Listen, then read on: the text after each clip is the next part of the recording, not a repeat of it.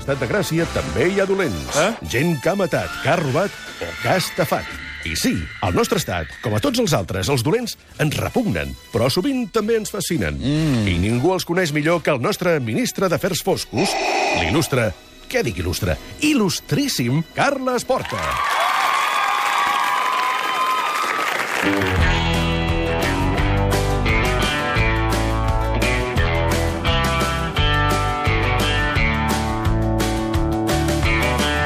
Passar la frontera al maleter d'un Mercedes verd i atrotinat la primera nit en un caixer la següent sota el pont de la ciutat Molt bona tarda, Carles Porta. Hola, president. Com m'agrada el calavera del Roger Mas. doncs vinga, que soni una mica més, home. I la quarta somiar en com desfer Per cert, hem de dir que Roger Mas, que va fer anys eh, fa un parell de dies, 42 anys, des d'aquí felicitats al Roger Mas. Per molts anys, Roger. I el felicitarem i ens felicitarem aviat perquè està ja acabant eh, disco. O sigui, que sempre és bona notícia saber que el Roger Mas està a l'estudi i que aviat podrem gaudir de la seva música. Nosaltres ara, a l'Estat de Gràcia, volem gaudir, entre cometes, moltes cometes, d'un cas, que és el cas de la Guàrdia Urbana, capítol 4.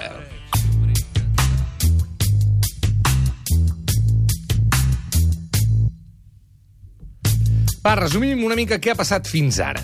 Fins ara hem explicat que a principis de maig d'aquest any, concretament el dijous 4 de maig, es va trobar un cotxe cremat amb un cadàver al maleter i que aquest cadàver era el d'un agent de la urbana de Barcelona que es deia Pedro Rodríguez. Aquest senyor estava vivint en parella amb una altra guàrdia urbana, la Rosa Peral, i la Rosa és l'exdona d'un mosso d'esquadra, el Rubén, que sembla que estava en amistat amb el Pedro. Per altra banda, hi ha un altre agent de la Guàrdia Urbana que es diu Albert López, que havia sigut nòvio de la Rosa, i resulta que va ser a casa del mort just després que hagués marxat o desaparegut. I per acabar-ho d'adobar en aquesta història també hi ha un sots inspector del mateix cos policial que aquell mes de maig estava pendent de judici per haver, suposadament, penjat a internet una foto pornogràfica de la Rosa mantenint relacions amb ell. O sigui, tenim un home assassinat, els, hom, els Mossos interrogant la gent més o menys propera i, de moment, encara no s'ha detingut ningú. I ens vam quedar que la policia va demanar la intervenció dels telèfons dels tres primers sospitosos. La nòvia del mort, l'ex-marit de la nòvia i l'amant o examant. Déu-n'hi-do, és complicat, Carles, però més o menys ho anem seguint. Va, què sabrem avui, en aquest capítol 4? Bueno, avancem. L'autòpsia va trigar uns dies a arribar perquè era un cas molt difícil. Recordeu que el cadàver estava totalment calcinat i s'havia hagut de recollir a trossets i posar-lo en diverses bosses. Haurem de tenir, doncs, una miqueta de paciència, però aviat ho sabrem. Mentrestant no arribi l'autòpsia, els investigadors escolten diverses persones properes al cas. Entre elles, els pares de la Rosa, que, recordem-ho, era la nòvia del difunt, i fins ara el pare és la última persona que sabem que el va veure viu. Atenció al detall que vindrà. El pare de la Rosa diu que el dimarts, dia 2 al migdia, va anar a casa de la seva filla i allí va saludar el Pedro.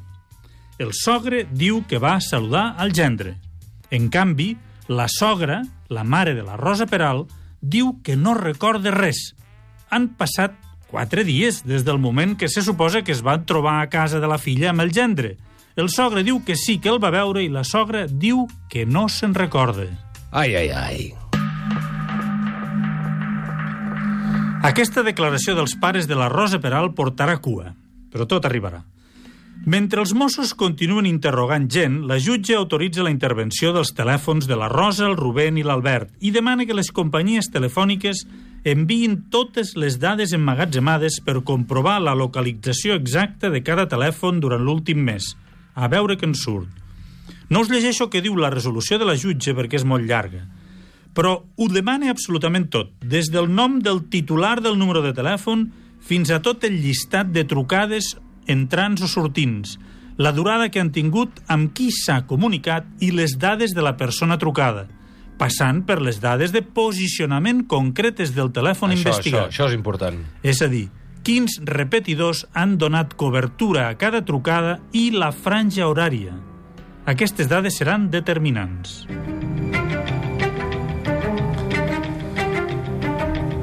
Quan arriben les informacions demanades a les companyies telefòniques, els investigadors comencen a comprovar si el que han declarat les persones investigades coincideix amb el que diuen les dades registrades, que són fets objectius. Ja veureu com avui en dia, per resoldre un crim, és més important el telèfon mòbil que el DNI o gairebé més important fins i tot que l'ADN. Clar, clar, perquè recordem que amb el mòbil saben o, o queda registrat on som en cada moment, no? Flipareu de les coses que saben amb els nostres telèfons mòbils, quan estan engegats. Si no estan engegats, no tant. Però flipareu, ja ho veureu, ja ho veureu. Repassem-ho tot. Vinga. Si es vol resoldre un crim, un bon punt per començar és l'últim moment en què va ser vist en vida el difunt, el Pedro. Aquest és un detall molt important perquè moltes vegades es diu que l'última persona que va veure en vida el difunt és l'assassí. No sempre, eh? No correm. Cronològicament parlant, l'última dada que es té constància de Pedro és un WhatsApp enviat des del telèfon del Pedro al telèfon de la Rosa, Uh -huh. a les 21.50 del dia 2 dimarts. Però és un missatge. La Rosa no el veu en persona. La Rosa declara que l'última vegada que el va veure viu va ser aquell dimarts, dia 2, abans de dinar. Això és el que diu avui la Rosa, eh? Sí, sí, sí, sí, Ja sí. veureu que aquesta dona té una llengua fàcil, diguéssim. El pare de la Rosa ha dit als Mossos que va veure el Pedro al pati de la casa de la mateixa Rosa cap a les 2 del migdia. És a dir, Això la, quadra. la versió del pare i la filla quadren. Però comencen les sorpreses. L'Albert, un altre urbà de Barcelona que havia tingut una relació amb la Rosa abans que el Pedro, va declarar que el Pedro era tan gelós que quan l'Albert i la Rosa es trobaven per la caserna de la Guàrdia Urbana no es podien ni saludar si no volien que el Pedro s'enfadés. Doncs resulta que les dades de geolocalització del telèfon de l'Albert diuen que el dimarts dia 2 entre les 13.50 i les 16.20, és a dir, a l'hora de dinar, l'Albert era a casa de la Rosa. Adiós. Si el pare de la Rosa hi era a les 2 en punt i diu que va saludar el Pedro, això vol dir que van coincidir a la mateixa casa l'Albert i el Pedro. Vol dir que a la mateixa casa van coincidir tots tres, la Rosa, el Pedro i l'Albert? Si hi havia tanta gelosia pel mig, seria molt estrany, no? Però clar, el pare no ha dit que saludés també l'Albert, només el Pedro. Exactament. Exactament. Però les Eh, informacions... veus, veus, veus, Molt bé, molt veus bé, les molt coses bé, que vaig molt veient? bé, molt bé, Semblo molt bé. curtet, però no ho soc tant, eh? Estàs al cas, molt bé. Però les informacions de la localització dels telèfons no enganyen. Els aparells del Pedro, la Rosa i l'Albert estaven sota el mateix repetidor aquell migdia del 2 de maig. Però el pare de la Rosa, com tu deies, el sogre mort, no havia declarat en cap moment que aquell dia també hagués vist l'Albert. O sigui, que les dades diuen que a la casa hi havia la Rosa, el Pedro i l'Albert, però el pare diu que va veure la seva filla i el Pedro, i no diu res de l'Albert. Perquè el pare està protegint la filla. Sabeu què van fer els Mossos? Què? És que corres molt. Perquè he vist moltes pel·lis. van demanar les dades del telèfon del pare de la Rosa Ah, clar. per comprovar si realment era a casa de la seva filla a l'hora que deia. Perquè potser es va confondre. Bueno, I en confondre. lloc de veure el Pedro, a qui havia vist era l'Albert. Perquè es veu que tenien una retirada, ho vés a saber, tots dos feien metro 90, gairebé 100 quilos de pes, barbeta, els encantaven les motos, tampoc es veien cada dia... Podia passar. A més a més, hi ha una cosa, que és que al al pare no se'l pot acusar d'encobriment. Per què? Perquè no, perquè un familiar pot protegir, no té... Ah, d'acord. No està obligat a declarar contra la seva filla. D'acord, d'acord, d'acord. I ja en parlarem d'això. Ah, Tot arribarà. Això. això passa en parella, també? Això passa en parella, també, sí. Però segurament igual hauries d'estar... a- Casat, Això, no. això mateix, o casat o apuntat al registre de parella de fets, Val, una val, cosa d'aquestes, o demostrar que ets parella. No per tant, quan la infanta diu que ella no sabia res, igual no passa res. Això és una altra cosa. Ah, d'acord. No, hauria passat si ella hagués dit que ella ho sabia, Sí. però no ho hagués dit, no Val. hagués confessat, Ah. o hagués mentit. D'acord. Una altra cosa és que la infanta firmava els documents. Mm, firmava. clar, clar, clar, clar, clar. Perquè tenia poders. Tenia paper per actiu. Exacte, era administradora d'aquella societat. I, en canvi, la justícia, entre parèntesi, quan li dona la gana, un dia parlarem dels jutges, va dir que ella no... no tu no, parlant no de tenia jutges, jo aniré a fer un cacolat, perquè Molt si bé. detenen algú, que sigui tu. Continuem. Sí, continuem. Els Mossos continuen fent el puzzle o sudoku, digueu-li com vulgueu, de comprovar si les declaracions dels investigats quadren amb les dades. Sí. Recordem que estan sospitant del Rubén, exmarit de la Rosa, barallat amb el mort, i també sospiten de la Rosa i de l'Albert. Val. Per què sospiten de la Rosa i de l'Albert? No ho sé. Doncs perquè en les seves declaracions ja hi ha contradiccions, però sobretot perquè hi ha coses que callen que són molt estranyes i perquè les seves declaracions no coincideixen amb els resultats de la geolocalització dels seus telèfons. L'informe dels Mossos és exhaustiu, però costaria de seguir explicat per ràdio. Val. Miraré de fer-ne un resum i compilació, a veure si me'n surto.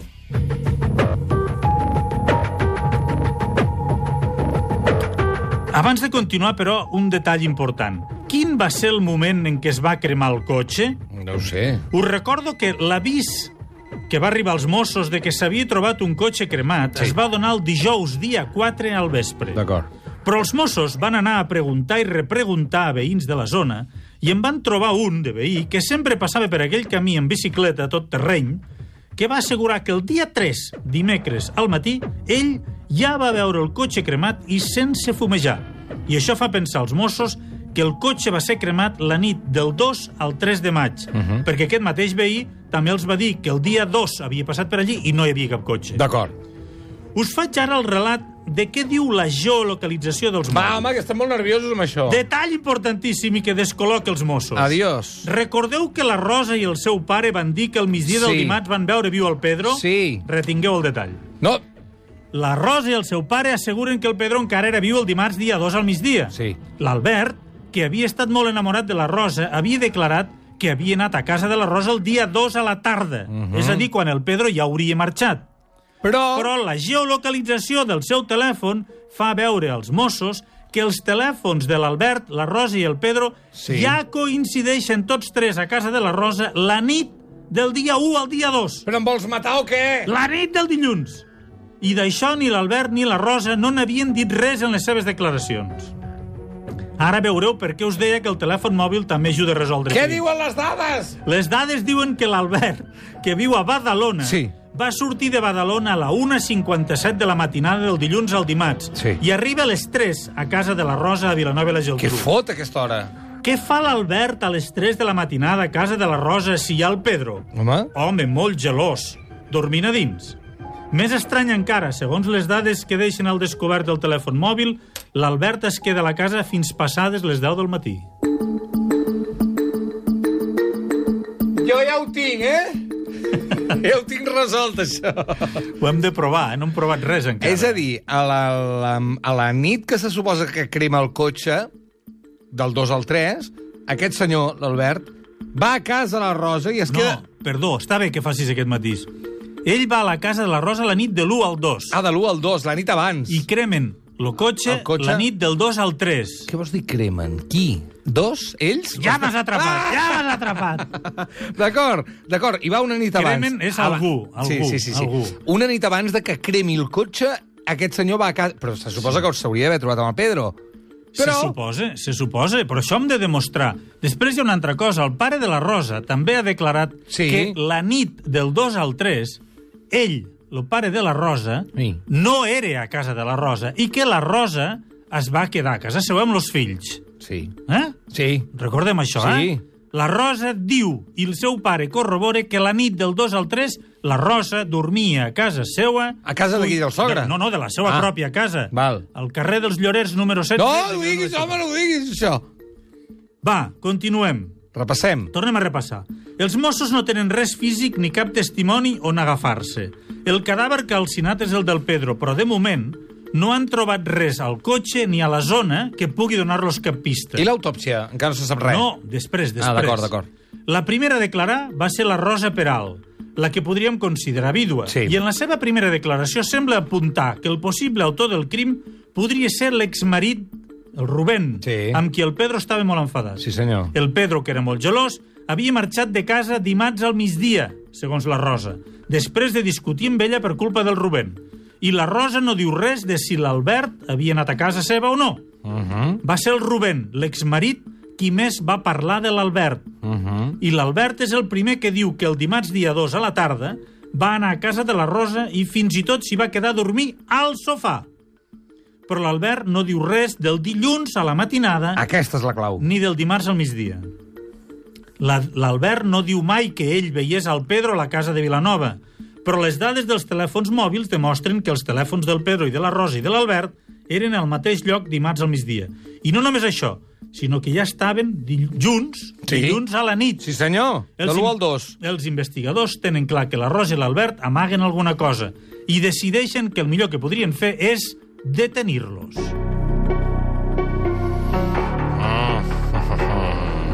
Però i el Rubén? Ja se'l pot descartar? I el pare de la Rosa, que va declarar que havia vist el Pedro? Potser que no correm i no descartem ningú encara. No sigui que tinguem sorpreses. Tingueu present que l'objectiu de qualsevol investigació és trobar tots els implicats en un crim. Home, però no hi haurà set persones aquí implicades amb, amb aquest crim. Per què no? Qui ho diu que no? Jo, perquè em sembla que és or- organitzar-se tanta gent és complicat. I quantes amb una, ha? amb, amb, on sigui, eh? I quantes- Amb una assemblea, amb Però- una orgia, amb un però- assassinat, amb tot. Però hi pot haver complicitat, hi pot haver encobriment si no ets si no ets familiar directe, mm. pot haver-hi moltes coses. Ja. Moltes coses. Home, però el pare no, el pare no estarà implicat, no? Jo vols saber ara? T'ho dic ja? No, home, però és que em sap greu, aquest pobre, T'ho deu ser ja? gran. T'ho dic ja? No. Tu tens fills? Sí. T'estimes molt els fills? Què faries pels teus fills? Hòstia, quina pregunta més difícil. Continuem. No, espera, Per que estic pensant amb el meu fill, ara. Segueix, va, acaba-ho. L'autòpsia, d'entrada, no va ajudar gaire. El cadàver estava calcinat i va ser, d'entrada, impossible determinar la causa de la mort, el temps que feia que l'havien assassinat. Vaja. Es va veure que tenia, o semblava tenir, vèrtebres cervicals trencades, la qual cosa podria suposar que l'haguessin escanyat, Ah. però es feia difícil de determinar amb certesa. Amb les autòpsies difícils es fa un primer informe amb les primeres impressions per si ajuda la investigació. I després es fa tot molt minuciosament.